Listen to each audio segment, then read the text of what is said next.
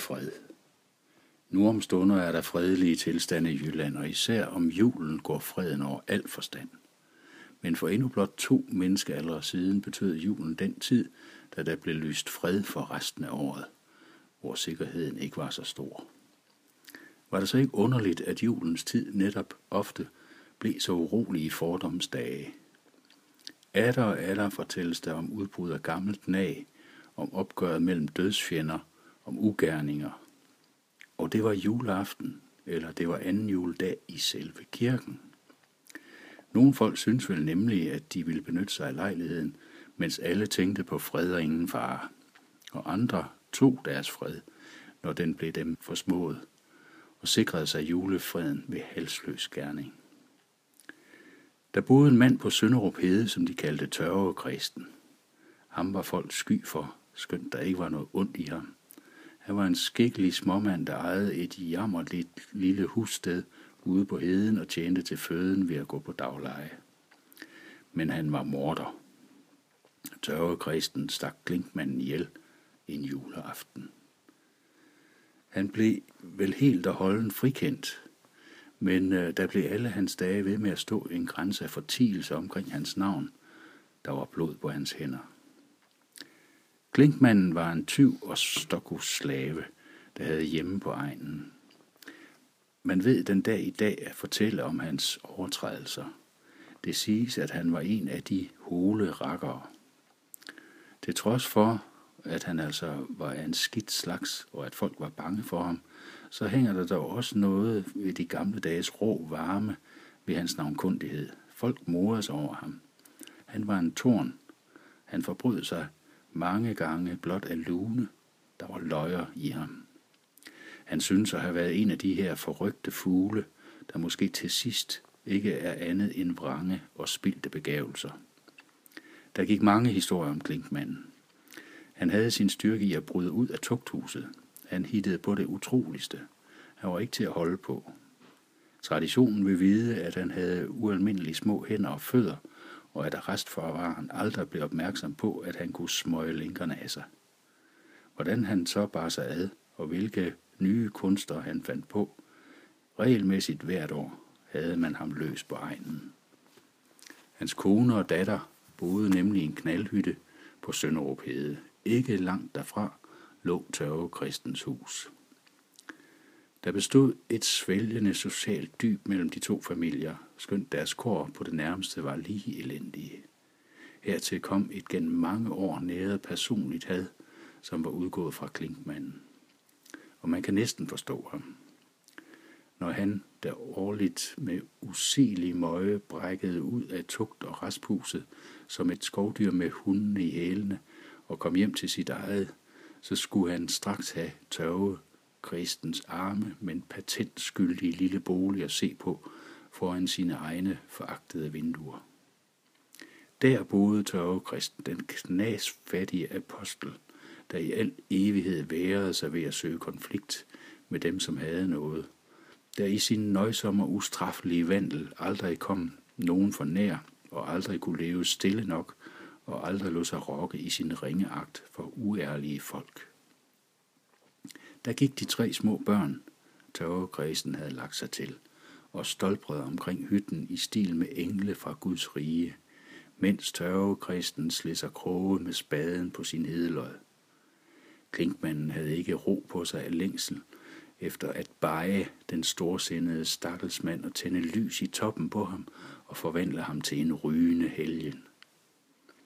Hver gang han var hjemme, sørgede han for at indbyde tørvekrisen til stridigheder – men den sindige husmand passede sit og nærede ingen ønske om at måle sig med Klinkmanden i nogen slags færdighed. Klinkmanden længtes til sidst lige så meget efter at komme hjem for tørvekristens skyld som for sin families. Han havde ham, og han ville ham til livs. Og den dag kom, da han ikke længere kunne styre sig. Det var en grå og lysforladt lille juledag, at Sønderup by blev opskræmt ind i sin inderste vrå ved at der tonede en halv eskadron Randers dragoner gennem byen. Hvor ikke et menneske anede ondt, mørket var ved at falde på, og den indfoldige søde julefred begyndte at lude over landsbyen. Alle blev så inderligt forsigtige. En hver tanke om en verden udenfor var gået under. Og dog jo en talløs flok af hestefolk, blot med hjelme og kolde palasker ind i byen. Der stod et sprøjt af tøsne og snavs omkring dem fra vejen. De kom i galop som et forfærdeligt syn ind igennem vintertågen. Gamle folk fik en rørelse i knæene af skræk. De mindedes en anden jul, da de havde set dragoner i Sønderup by. Det var nu mange år siden. Og der var årsagen den, at sovnefoden selv og fire andre mænd var gået ud i heden, hvor der boede skidt folk dengang også. En mand med kone og to sønner, som længe havde klippet forerne på marken om natten og gjorde egnen usikker på andre måder. Nu ville de der Sønderup-folk være i fred for dem i julen over. De trængte til den ende ind i hytten og udryddede alle fire beboere med øksehug. Men der var en misforståelse af dem. Det kunne ikke forsvares som nødværve, og de blev hentet alle fem til gengæld. Det blev imidlertid snart kendt, hvad dragonerne kom for denne gang. Klinkmanden var igen brudt ud under værre omstændigheder end ellers, i det han var kommet til at give arrestforvaren et knok, så han ikke havde overlevet. Derfor lå der så stor magt på at få ham sat fast igen, og nu mente man at nappe ham i familiens skød juleaften. Dragonerne delte sig, da de kom ud på heden, trak i karriere sammen om Klinkmandens hus og fik den i en fart omringet. Men Klinkmanden var der ikke. De ledte og undersøgte lige til mønningen af knaldhytten. De forhørte konen og datteren. De vendte hvert et halmstrå, men fandt ikke Klinkmanden. Da de vel var redden bort igen med uforrettet sag, kryb Klinkmanden frem fra et hul under lergulvet, som havde været godt stampet til over ham og skjult med tørvesmuld. Han var dem for smart. To timer efter ringede kirkeklokkerne i Sønderup den hellige jul ind. Der blev så stille, så lyt under mørket. Kun klokken i kirketårnet havde ordet. Den lallede med sin sære røst ud i tørværsnatten, og over den lave forknytte by, der lå alene i det hvide land. Vinden gik fra til, vandet sivede og drøbbede i grøfternes levrede sne. Kirkeklokken talte, snart træt, snart syngende stemning, modfalden og glad, op og ned som en gammel mand, der er erfaren. Den tav om sider med et nikken eftertryk. Det klarede under nattehimlen, stjernerne tændtes ind under det dybe rum. Der hang de stjernerne som de kølige tindrende små. Skørnende lyd således ud over jorden, vandet sivede mere tyst, der hævede sig kulde mod natten. Så tav også vandets ængstlige islyd med enkelte svage knirk som i søvne. Det frøs, og frosten holdt. Nu var alle hjemme og i hus. Kun en mand fra Sønderup, der af nødvendighed havde været fra by, var kommet over heden om aftenen. Og han mødte til sin navnløse skræk Klinkmanden, der kom gående med en tjærekande i hånden. God aften, sagde Klinkmanden, som lod til at være i udmærket stemning. Du skal ikke frygte, bitte Knud. Dig vil jeg ikke skade. Jeg skal ned og tænde ild i håret på tørvegræsten. Gud i vold med dig og glædelig fest. Inde i tørvekristens stue var julen begyndt. Den kun gjorde sig ved en voksende stillhed. Tørvekristens kone gjorde i stand som til fremmede.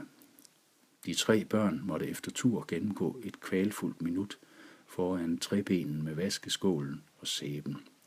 Jeppe og Laurine, de to ældste, lå sig vaske med stor viljestyrke. De havde forstand på den dybe betydning af helligaften, som nærmede sig. Jeppe var fem år, Laurine fire, og de var allerede vidende om mange ting. De havde engang været inde i Sønderup by, hvor de var blevet set vandrende hånd i hånd, og det var også deres livs rigeste tildragelse. De havde beset kirkegårdens stakitlove og byens andre mysterier. En stor dyb have, hvorfra der ragede et træ op med fede pærer. De havde beset et træmmebad fuldt af lappende ender et sted ved et fint hus. Og efter de derpå havde indåndet luften uden for præstegårdens port og skimpet for underlige blomsterplanter i det klare vinduer længst inde, vandrede de igen hånd i hånd ud af byen og ankom til hjemmet ved mørkets frembrud. Karen Marie var bare to år og for lille på alle måder. Hun græd af samme årsag, da hun blev vasket. Jeppe og Laurine var hende vidt forbi i enhver henseende. De havde erfaring fra udeverdenen, hvor de havde bevæget sig.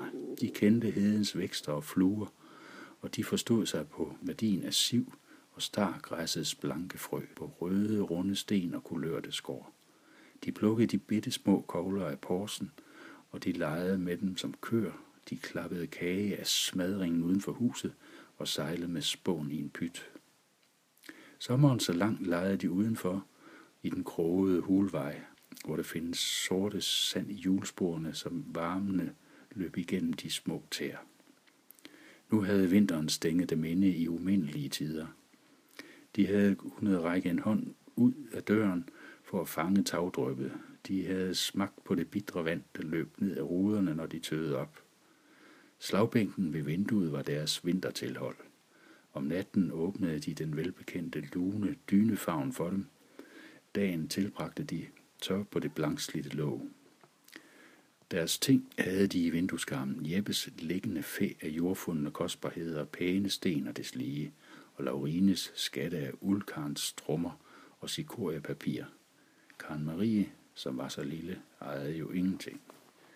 Da børnene nu var blevet vasket og kæmmet og havde fået stadstøjet på, begyndte deres mor at dække bord med en hvid duk. Og de måtte være så artige, at det ikke er til at sige, for ikke at bringe forstyrrelse i noget. Grøden, som i dag var ganske hvid og af en anden og finere og mere kostbar grøn end byggrøn til daglig, blærede så fedt i gryden og sagde py, som om den gjorde sin yderste umage for at blive god. Moren var så tavs og blid. Da tørvekristen kom hjem fra arbejde og bøjede sin lange, ludende skikkelse ind under det lave loft, så han sine tre poder sidde i række på slagbænken bag det hvide bord. Tre par bitte små træskår stikkende lige frem. Tre sæbeblussende højtidligheder. Tre gule hårtoppe i det dunkelt oplyste rum. Stilheden sænkes over stuen, mens maden blev færdig. Var de tre små vidne til, at deres far vaskede sig.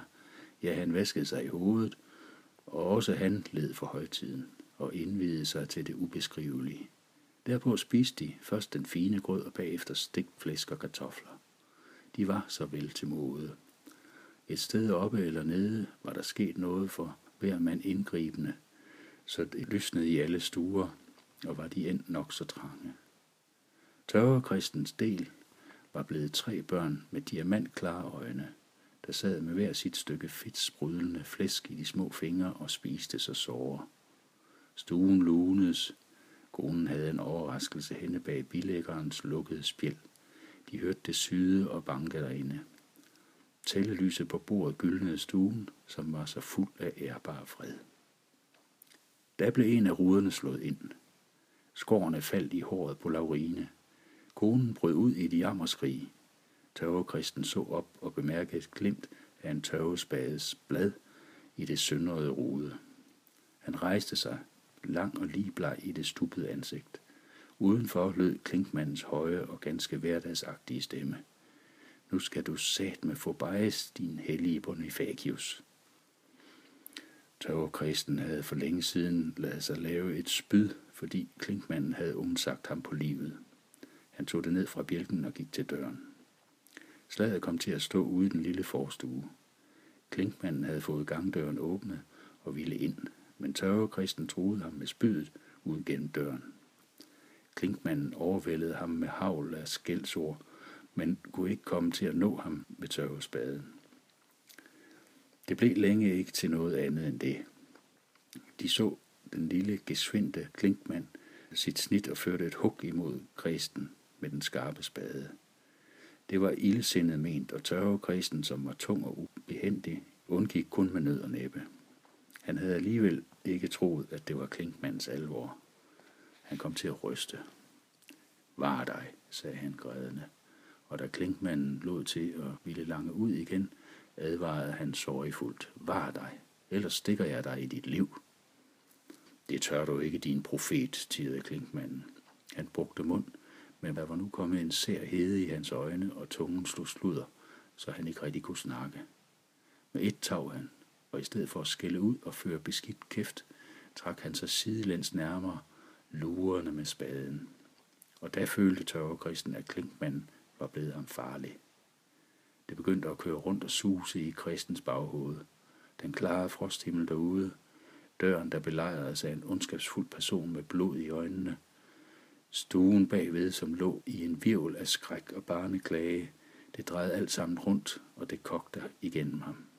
Og da klinkmanden med en grimasse som en slagter pludselig rørte på sig og sprang frem, bøjede tørre kristen sin tunge vægt forover og stak ham tværs igennem brystet. Klinkmandens hjerteblod sprøjtede som en varm suppe ud langs spydstagen og skoldede kristens hænder. Efter en kort, voldsom dødskamp vågner han knurrede som et får og slog hænderne om spydstagen og liggende på ryggen søgte at føre også fødderne op til den skærende jern, var klinkmanden død. Da det var gjort, sukkede kredsen og glippede tårerne af øjnene. Efter at have betænkt sig lidt og slæbt lige et stykke væk fra huset, gik han ind til de andre. En time efter stod han i sovnefodens gang og meldte sig selv. Han blev ført til købstaden og indsat i arrest, men efter at have været i forhør, blev han jo frikendt.